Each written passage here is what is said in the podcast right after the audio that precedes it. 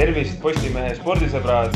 Postimehe spordisaade Kehakultuur on oma uue osaga eetris. minu nimi Henri Lääne ja koos minuga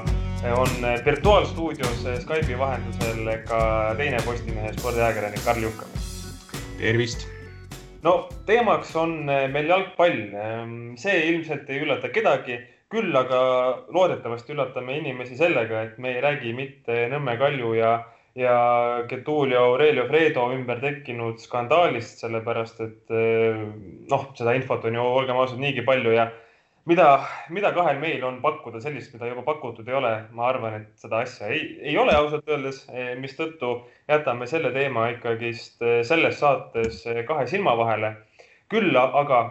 keskendume jalgpalli meistrite liigale ja, ja mitte siis sellele praegusele hooajale, mis, mis meil siin lahti rullub ja on ju sellelgi nädalal eh, kaks järgmist eh, veerandfinalisti, ei, vabandust, neli veerandfinalisti suisa on, on selgumas. Eh, vaid vaatame tulevikku. nimelt siin viimase paari kuu või natukene rohkema jooksul on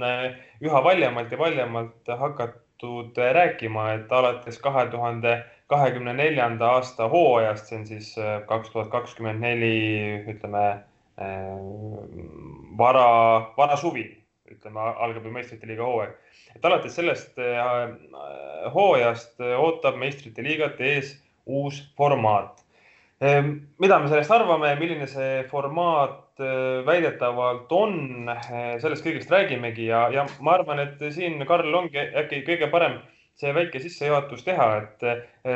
ja küsin kohe alustuseks, et kas meistrite liigal on üldse midagi viga, et me peaks sellist saadet tegema, et me peaks üldse rääkima sellest, et äh, on mingisugune formaadi muudatus, mingisugune soov äh, seda meistrite liigat reformida?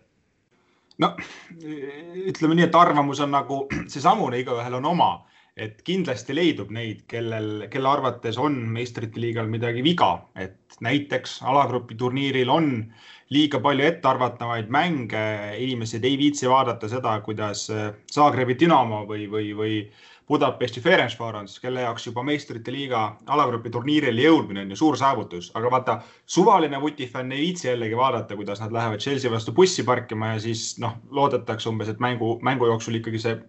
buss jääb sinna paigale, mitte mitte tulemus ei ole see, et viis tükki tuleb võrgust välja võtta, et äh, sellised ühekülgsed mängud on ilmselt neutraalsele vutisõbrale ja äh, need, mis, mis, mis on murekohaks, mille tõttu seda võiks reformima hakata. E-, ega ei tasu ju ka kohale selle sellise konservatiivse meelestatusega, et iga muudatus on kohe paha, võimalusi tasub anda ja lõppkokkuvõttes äh, ega, ega debatt diskussioon ja, ja demokraatia on ju kõik edasiviivad jõud, kui selle tulemusena sünnibki midagi sellist, mida, mida suurem osa peab, peab paremaks lahenduseks, aga, aga siinkohal ongi nüüd oluline märksõna see, et kas see on ikkagi nagu suurem osa, kes, kes peab seda paremaks või need on suuremad, kes, kes peavad seda paremaks, sest kui sa siin mainisidki seda, seda, seda muudatust ja seda reformi, siis ega selle reformi nii-öelda peidetud mõte on ikkagi UEFA poolt selgelt see, et hoida neid tippe, eliitklubisid, staarklubisid, kasutame sõna tahad, neid kuidagi ohjas, kuidagi õnnelikuna, et nad ei hakkaks jälle jahuma oma superliigast, kuhu, kuhu tohivad siis kuuluda ainult nemad, et Madridi Real saab pallida Manchester Unitediga ja, ja kõigi lilla suunurgast äh, jookseb, et, et iseenesest ju tore mõte. samas teisest küljest ma ütleks, et kui neid mänge on mänge on aastas palju, siis võib-olla hakkab nagu nende mängude väärtus devalveeruma ja kaduma. aga, aga, aga jah, selge on see, et see on, UEFA-l on ju neid hoobasid, et klubisid ohjata, aga, aga, aga see suhe UEFA ja, ja klubide vahel, tippklubide vahel, siis see on ikkagi puhas ju sümbo-, sümbioos, mõlemal on vaja teineteist, siin ei ole nii, et UEFA saab öelda, paneb jala maha ja eliitklubid löövad kulpi nagu, nagu kord ja kohus ja, ja kuna see kära ja müra selle puhul, et, et tahetakse tagatubades mingit superliigat, see oli, see oli juba võrdlemisi paljuks läinud, siis UEFA pidi midagi tegema. Ja see, et nad nüüd selle debati on avanud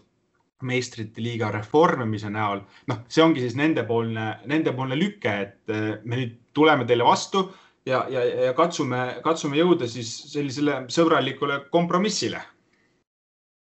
noh, kui ütled, et need superliiga jutud olid päris valjuks läinud, siis no mulle ikka alati, ma arvan, et see pressikonverents jääb mulle alatiseks meelde, et kui Barcelona tänaseks endine president Josep Maria Bartomeu teatas, et ta astub tagasi, kutsus kokku pressikonverentsi, siis noh, me saime sealt teada väga huvitavaid asju, me saime teada sellest, et Barcelona on tohututes võlgades, kuidas, aga kuidas Bartomeu õigustas ennast, suunas süü eelnevatele klubijuhtidele ja presidentidele, kes siis enne, enne, enne tema aega Barcelonat ohjasid aga siis justkui mööda minnes üks hetk Bartomeu ütleb, aa jaa, et eh, klubi on miljardi euroses võlas ja otsustasin, et Barcelona mängib uues superliigas. head aega. noh, see on väga selline Hollywoodilik või filmilik eh, lõpp ühele, ühele ajale, aga, aga tõsi ta on, et, et eeskätt siin Hispaania klubid ka tegelikult ongi, ongi Barcelona ja Madrid Real olnud ju selle superliiga osas sellised kõige sõnakamad, vast on, on see õige sõna, et ma ei mäleta, kas see oli nüüd äh, Florentino Perez või, või, või Reali endine president Ramon Calderon, kes noh, mingid aastad tagasi enam-vähem samasuguse, samasuguse veksli välja käisid, et, superliiga tuleb, seda on vaja, sinna lähme ja nii edasi. Et äh, aga aru saada ka, miks äh, siis Barcelona ja Real on olnud ühed kõige kõnekamad eeskõnelejad, sest nendel mõlemal klubil on võlad lihtsalt nõnda suured ja, ja üle või noh, sinna Barcelonal on kindlasti üle miljardi euro ja Realil vist on sinna kanti, et, et arusaadav, et nad üritavad ju ikkagist kõik asjad käima panna, et saaks, saaks võimalikult palju kuskilt raha juurde ja, ja elu oleks võimalikult ilus. Aga no superliiga superliigaks, sellest ärme räägi, aga formaadi muudatusest, mida siis või mis siis meistrite liigat noh, väga suure tõenäosusega ees ootab. peame ütlema, et ükski nendest asjadest ei ole kivisse raiutud veel, aga nagu Juventuse,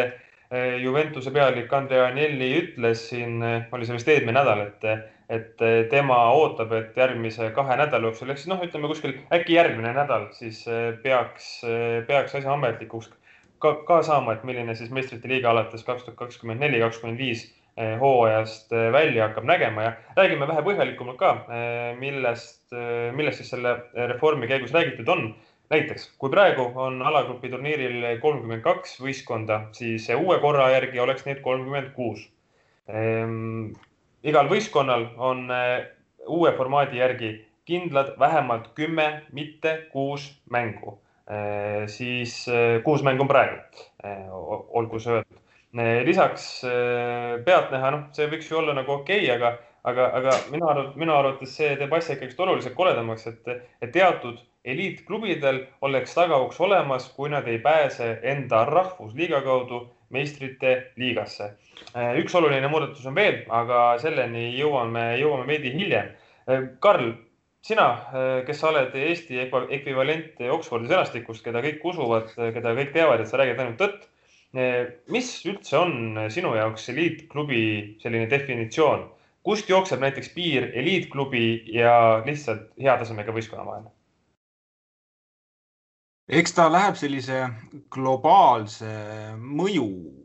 mõjusfäärist, ütleme, et kui sul on ikkagi klubi, keda noh, see, see, et iga, igal võistkonnal on oma koduriigis või kodulinnas, siis noh, kui riik on liiga suur, siis kipub rohkem linnakeskeks minema, aga et tal on seal toetajaid, see on ju, see on ju tavaline, kui me räägime ikkagi niisugusest ülemaailmsetest brändidest. Ehm, noh, siis see on selgelt nagu selgelt nagu üks koht, äh, mille alusel võib eliitklubisid äh, vaadata, aga noh teine pool on ikkagi see, et kuidas nagu need rahavood, rahavood voolavad siin maailmas, et praegusel hetkel noh, ütleme, kui ma peaksin puusalt tulistama, palju on maailmas eliitklubisid, siis võib-olla see natuke üllataks sind, aga mina ütleksin, et meil on maailmas kolmkümmend eliitklubi, kellest kakskümmend tuleb Inglismaalt. ja põhjus on väga lihtne. Need kakskümmend eliitklubi on siis kõik Premier League'i klubid kes saavad enda, enda rahakoti väga palju mammonat lihtsalt tänu sellele, et nad on Premier League'is, kus telelepingud on nii palju suuremad. et, et see on nüüd ütleme natukene kaasaegsem vaade eliitklubidele, et vanasti seda niimoodi ei olnud, vanasti oli selgelt on ju, et kui sa oled niisugune ajalooliselt suur ja, ja staarid tahavad sinu juurde tulla ja, ja, ja sõbrad Pablo ja Pedro räägivad sinust Madridi keskväljakul on ju samal ajal Pablo ja Pedro on mõlemad seitsekümmend pluss ka on ju, et noh, vanasti oli nagu see, aga nüüd me räägimegi selgelt, et sa saad ennast sinna eliiti osta ja, ja noh, see ongi nagu see, et kuna see raha osakaal on seal eliidis nii palju suurenenud, siis on eliidi enda sõna hakanud ka justkui näiliselt rohkem maksma, sellepärast et äh, nendest ilmajäämine muutuks siis teisele osapoolele nii palju valusamaks. jah, äh, nõnda on, noh, sinu definitsioon on selline, aga UEFA äh, ütleb, et selle uue süsteemi järgi siis tegelikult eliitklubi on siis varasemalt seatud pingerea alusel klubi, et mis iganes kohal ta seal ka on ja, ja pingerida siis tuleneb varasematest saavutustest või, või hooaegadest eurosarjades, mille, mille järgi siis see koefitsient paika pannakse.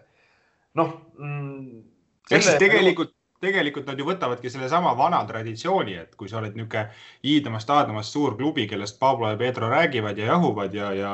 võib-olla isegi nostalgitsevad, siis, siis see on nagu EFA jaoks eliitklubi, eliitklubi definitsioon, aga, aga noh, sellega nad üritavad nagu seda justkui uuesti kinnistada, aga et noh, reaalsus on natukene nihkumas ju. on, mõtleme näiteks, et kui Barcelona jääb kaks tuhat kakskümmend kolm, kakskümmend neli hooajal La Ligas kaheksandaks meistrite liigasse nad teatavasti eh, otse ju liiga, liiga positsiooni põhjal ei pääse, aga siis tulekski see, see UEFA koefitsiendi tabel justkui appi ja see eliit saaks ikkagist peale eh, siis enda liiga väliselt. noh, see ongi see koht, kus me jõuame selle, selle varem lubatud olulise muudatuseni, millest, et, et millest me räägime. Et kui praegu paigutatakse klubid kaheksasse neljaliikmelisse alagruppi siis eh, uus süsteem näeks ette kolmekümne kuue võistkonnalist, noh, justkui liigasüsteemi, et seda kutsutakse Šveitsi süsteemi variatsiooniks ja, ja selle järgi kohtuvad klubid siis enne hooaega paika pandud edetabeli järgi oma tugevusastme klubidega. piltlikult öeldes eh, Flora ei saa Barcelonaga mängida, vaid Flora mängib Levadiaga eh, no.. aga kummaline on see, et edetabeli see pole kummaline, aga minu arvates see on karjuv ebaõiglus, et edetabeli kaheksa või kaksteist paremat, see nüüd oleneb, eh, millise info järgi ennast sättida, et eh, on siin olnud infot, et eh, kaheksa klubi või selle edetabeli kaheksa paremat pääsevad otse, otse kuueteist parema hulka, on olnud info, et kaksteist paremat pääsevad kuueteist parema hulka ja, ja, ja ülejäänud selguvad siis, siis muul moel. no see ei ole ikkagist ju õige, et ütleme, oled sa Juventus või, või, või Barcelona või Madridi Real, oma koha päikese all pead sa ikka ise välja võitlema, mitte lootma nüüd või noh, mitte et lootma, aga mitte, mitte tuginema siis mingisugusele, mingisuguse edetabeli abile. me ei mängi ju jalgpalli paberi peal nii, ma vastamisel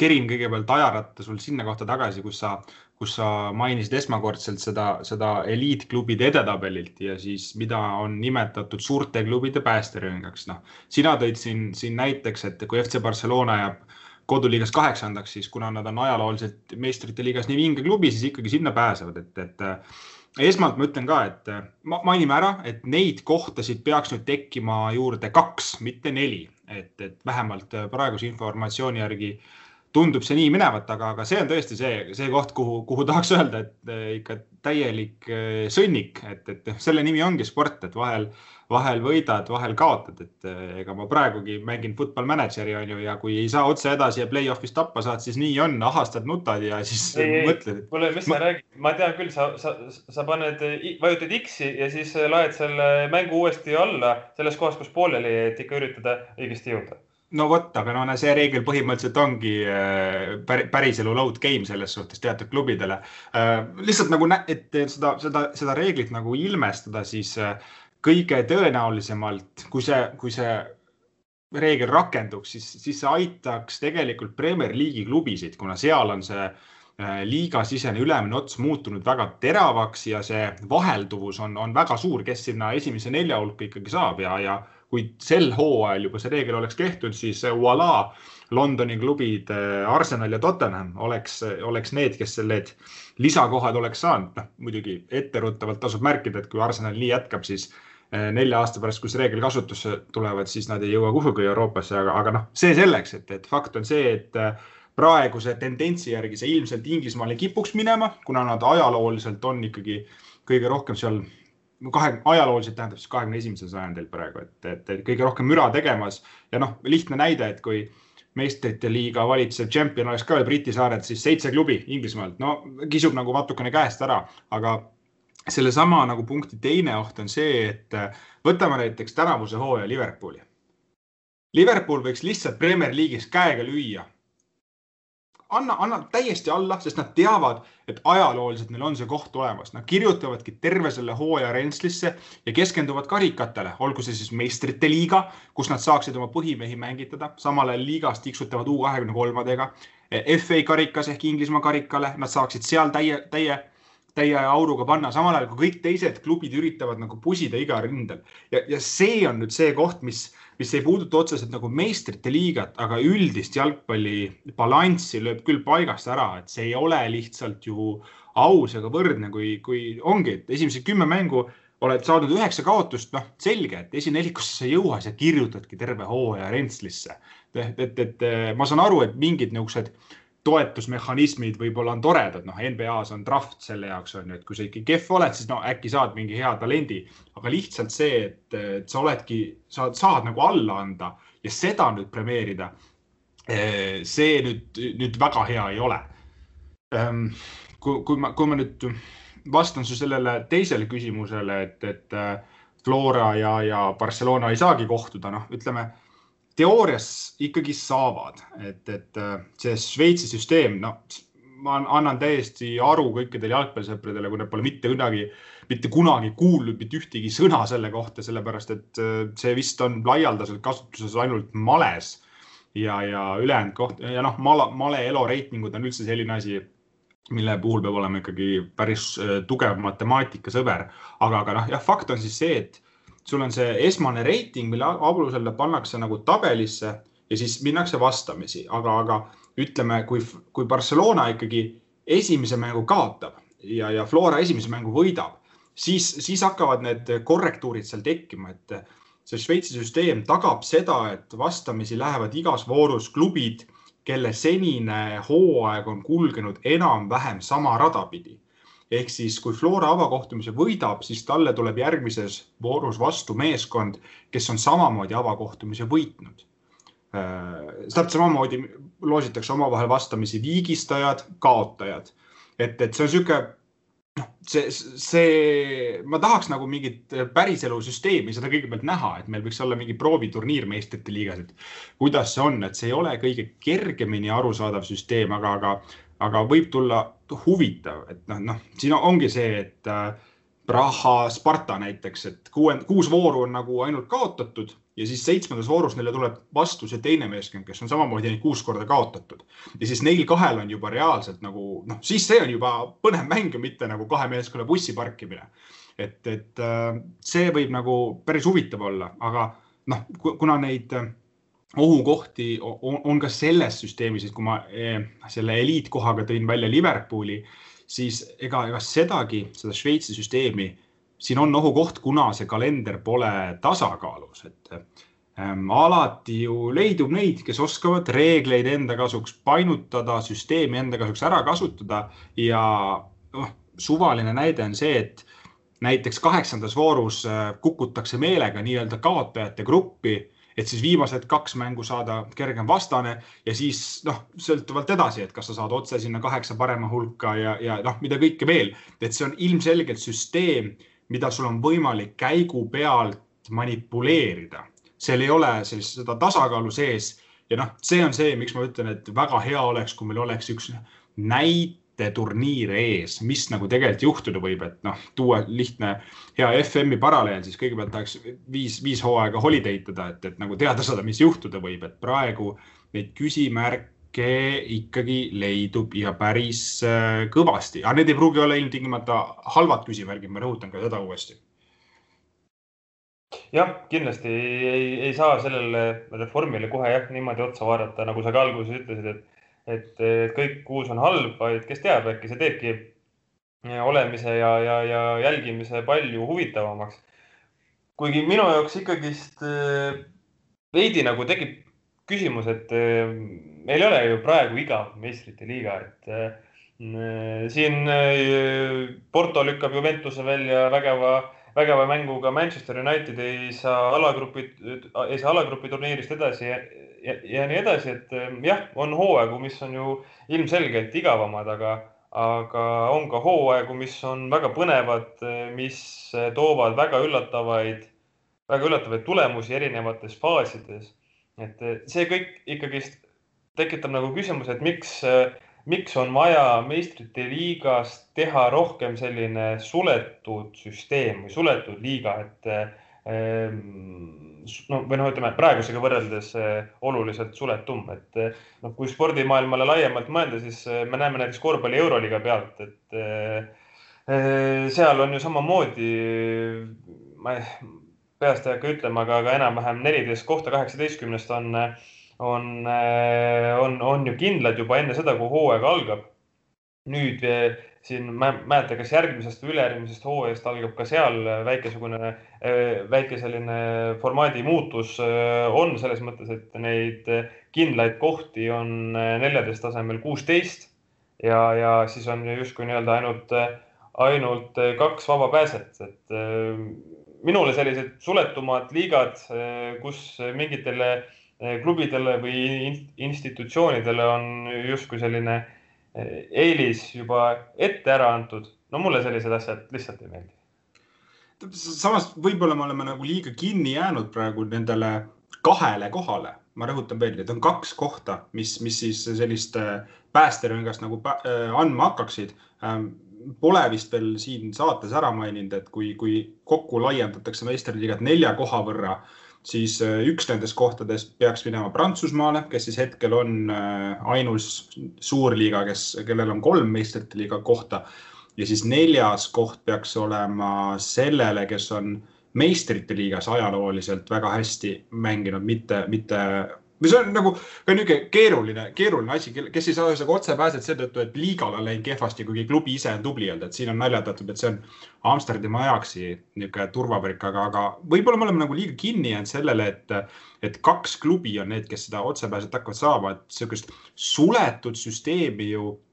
ei teki, et, et neid nõrku klubisid, kes võivad meistrite liigasse saada, Moskva Lokomotiivid, Midlandid, ma ei tea Krasnodarid, Ferencvarosid, Istanbuli Başakşehirid, kes tänavu meistrite liigas olid, ega nendelt ju otseselt kohta ära ei võeta. et meistrite liiga, okei okay,, see ei ole enam nagu alagrupi faas, sest et see on üks suur kolmekümne kuue klubiga äh, alagrupp, aga, aga sinna jõuab, sinna tõotatud maale, Marjamaale jõuab ikkagi nii-öelda väikseid sama palju et, et selles suhtes võib-olla, võib-olla teeme nagu jällegi liiga ja, ja, ja kui sa siin ütled, et äh, draamat ju selles suhtes on, et Porto Juventus välja lõi, siis ega, ega nii-öelda noh, minu isiklik seisukoht on see, et minu meelest võiks kogu meistrite liiga olla puhtalt karika formaadis. see on palju ägedam, igal mängul on palju rohkem Uus. kaalu aga, aga noh, see, et, et, et näiteks Manchester United tänavu alagrupist edasi saanud, noh, olgem ausad, see on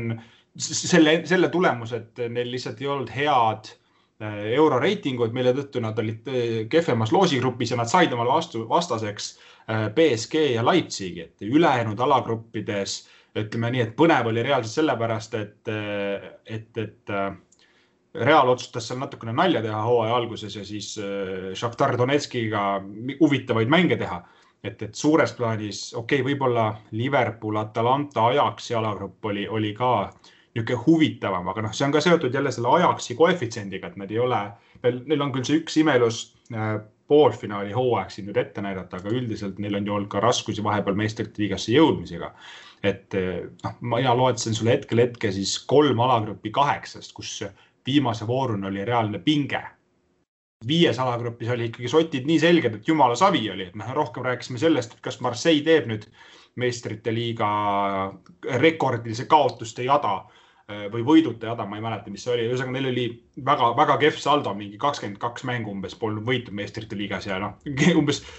see oli nagu see storyline, et, et midagigi seda meistrite liiga voorust põnev, põnevaks teha, et neilt ju midagi ära ei võeta. Ja, ja alagrupi faasis nii-öelda mõttetute mängude osakaal võiks ju, võiks ju kaduda, sellepärast et kui, kui me räägime, et meistrite liiga laieneks kolmekümne kuue peale, siis äh, viimaste andmete kohaselt ju kaheksa on siis need kes, kes, kes välja pudenevad, ehk siis meil on kakskümmend kaheksa klubi, kes peaksid hakkama madistama äh, play-off süsteemis. Ehk siis kui sa juba sinna jõuad, noh, ütleme, et kolmekümne kahe seast kuueteistkümne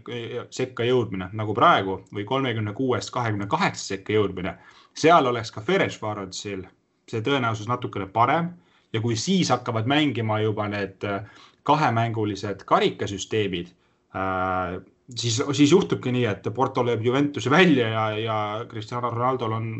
nägu pisaraid täis. jah, see on kõikide Ronaldo fännide suur õudusunenägu, aga eile jällegi nägime, kuidas mees lõi kuuri nii täis, et, et naerutus oli, oli kõrvuni. noh natuke puudutaks ka seda, kuidas, kas ja kuidas õigemini koroona, koroonapandeemia selles formaadi muudatuses rolli mängib. no mina ütlen, et see ei ole üldse juhus, et see formaadi muudatuse nüüd jutt on no päris kiiresti tegelikult ikkagist liikunud, enne kui ta, enne kui ta meediasse lekkis ja just sellisel koroona ajal, et nagu sai varem mainitud, siis mänge tuleb rohkem juurde ja näiteks selle uue meistrite liiga süsteemi puhul oleks alagrupi turniiril sada kaheksakümmend mängu, praegu on üheksakümmend kuus, seega peaaegu poole rohkem ja see tähendab ju ainult ühte, telerahad, siit me tuleme. noh mm,, raha on ju tegelikult üldse tippjalgpallis praegu väga hell teema. vaatame erinevaid üleminekusummasid või seda, kui palju tegelikult mingid klubid või liigad kulutavad, siis on ilmselge, et et eh, päitsed on peal eh, ja senikaua, kuniks eh, inimesed, inimesi staadionitele tagasi ei lasta, siis noh, on raske näha, et, et hakatakse mingisuguseid saja viiekümne miljoni euroseid või, või, või natukene vähem üleminekuid tegema, et et ilmselgelt raha, raha loetakse eriti hoolsalt ja kahjumitega peavad, peavad väga-väga-väga paljud võitlema. aga oled sa ka nagu kas ma olen liiga küüniline, kas ma olen liiga suur vandenõuteoreetik, kes, kes arvab, et, et, et see meistrite liiga uus formaadi muudatus on nüüd pandud rattad väga kiiresti keerlema just selle tõttu, et, et on klubidel võimalik või lihtsam UEFA-t survestada selles, selles osas, kuna klubidel on lihtsalt raha vaja. UEFA ei taha, et klubid ära läheksid ja nii ongi siis vaja justkui mingisugusele kompromissile jõuda jah, see ilmselgelt nüüd on nagu klubidel selles suhtes vesi ahjus rahakottide poole pealt, kuigi ääremärkusena tuleb kohe öelda, et äh, kui sa oled ikkagi aastaid tegutsenud miljoneid, miljonilisega käibega vutimeeskonna etteotsas ja nüüd ühe aastaga nagu väga kiiresti pankroti poole, või no kas just pankroti poole, aga, aga väga keerulisse olukorda satud, siis ega kärped on igal pool, aga võib-olla see natukene tähendab ka seda, et see praegune kurikuulus äh, financial fair play ehk siis finantsilise ausa, ausa mängu reeglid äh, võib-olla kõige nagu pädevamalt koostatud ei ole, kui ikkagi üks halb hooaeg klubidele nii saatuslikuks võib mõjuda majanduslikus plaanis. aga, aga on, on selge, et see on praegu klubidel koht UEFA-t survestada. On see õige või vale, noh, ütleme raha, raha teeb raha, no see on ju selge, et sajast dollarist sada kümmet teha on, on tunduvalt keerulisem kui sajast miljonist sada, sada kümme miljonit, et mida see, see paraku, paraku maailmas nii on. Ehm, samas see formaadi muutus ju tähendab ka seda, et kui see kasutusele tuleb, see uus süsteem uute mängudega kogu aasta peale ju circa sada tükki rohkem, telerahad suurenevad ja selle pealt suurenevad ju ka UEFA solidaarsusmaksed mis on äh, meie tippklubide, ma ei, ma ei tea, mis see kõige ilusam sõna on, aga ütleme, see on ju nende tippklubidesse peaaegu igal aastal vähemalt eelnimekiri, Exceli eelnimekirjas küll sees, et näe, kakssada tuhat tuleb rahulikult Euroopast, et kui praegu tõesti Euroopas eelring, esimeses eelringis välja pudened, kakssada tuhat UEFA sulle maksab selle eest, et sa osalesid ja et sa alagrupi turniirile ei jõudnud. kui see muudatus nüüd jõustub, siis ka see kakssada tuhat läheb suuremaks ja noh, võrdluseks äh, jalgpalliliidu solidaarsusmehhanismid eurosarja mitte jõudnud klubidele on tänavu sada tuhat ehk siis need käärid ilmselt natukene jälle suureneksid ja noh, selle, selle mätta otsast ju,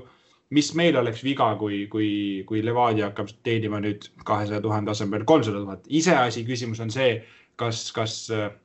Tšehhi ja, ja teised klubid, kellega me konkureerima peaksime hakkama, hakkavad samal ajal meistrite liiga tõttu äh, viie miljoni asemel teenima näiteks kümme miljonit, et noh, siis see sada tuhat nagu meid väga, väga ei päästa. nii on absoluutselt ja noh, üks tahk on tegelikult äh, ju ka see, et kui on nii palju rohkem mänge nagu siin alagrupi turniiri osas sai välja toodud, siis noh, mingil ajal tuleb neid pidada. viimane info, mida mina lugesin, oli see, et meistrite liiga mängupäevad oleks teisipäev, kolmapäev ja neljapäev, mitte teisipäev ja kolmapäev, nagu oleme praegu harjunud. noh, praegu on ju, on ju neljapäevad ainult Euroopa liiga päralt.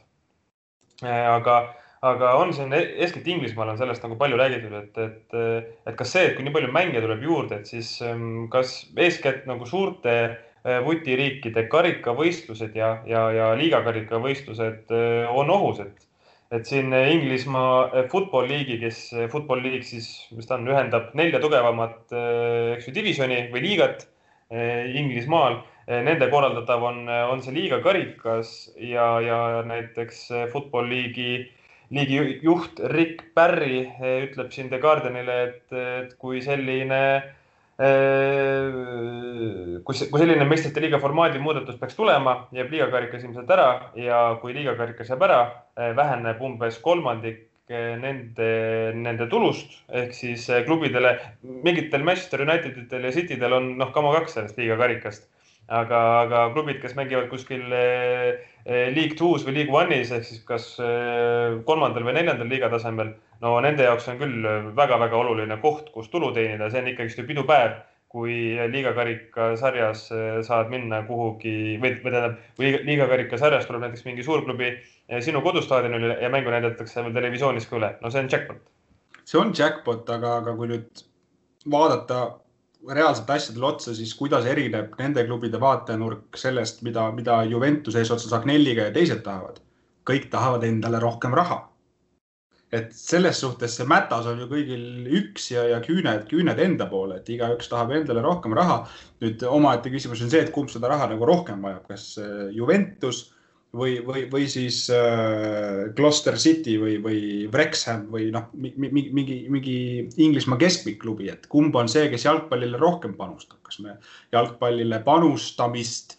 äh, hindame selle järgi, palju fänne vaatab, paljude jaoks on meelelahutus või, või selle järgi, palju klubid äh, noori trenni saavad tuua ja palju reaalselt seeläbi tervisesse panustatakse. et see on tegelikult UEFA ma ei, ma, ma usun, et UEFA on selle endale ka ikkagi tagatubades läbi mõtestanud, et, et nad peavad suhteliselt selge valiku tegema, kas me räägime jalgpallist kui meelelahutusest või jalgpallist kui spordist, sest et äh, see on selle mündi,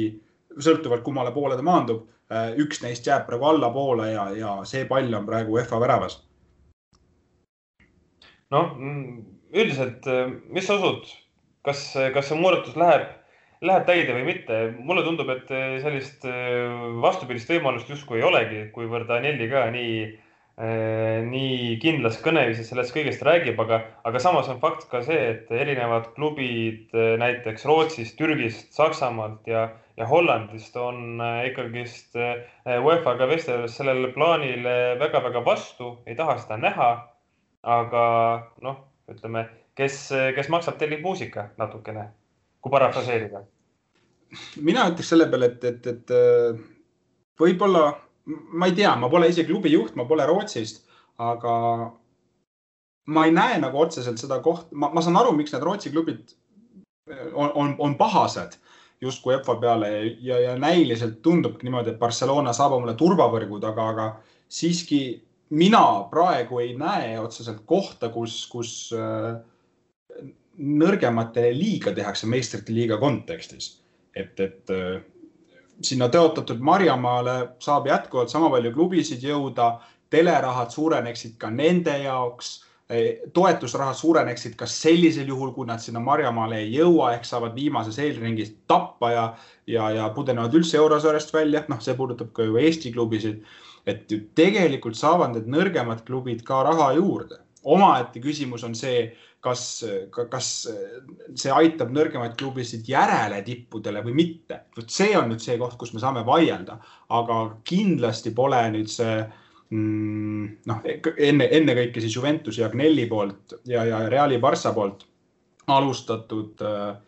muudatus äh, nõrgematele klubidele kahjulik, et nad ikkagi äh, nad, nad on ka piisavalt targad ja on aru saanud, et selleks, et endale juurde saada, see on nagu piitsaprääniku meetod, et sa pead ikkagi väiksematele ka andma. Ja tegelikult nad ju annavad, et kasvõi veel kord seesama näide, mis ma tõin, et,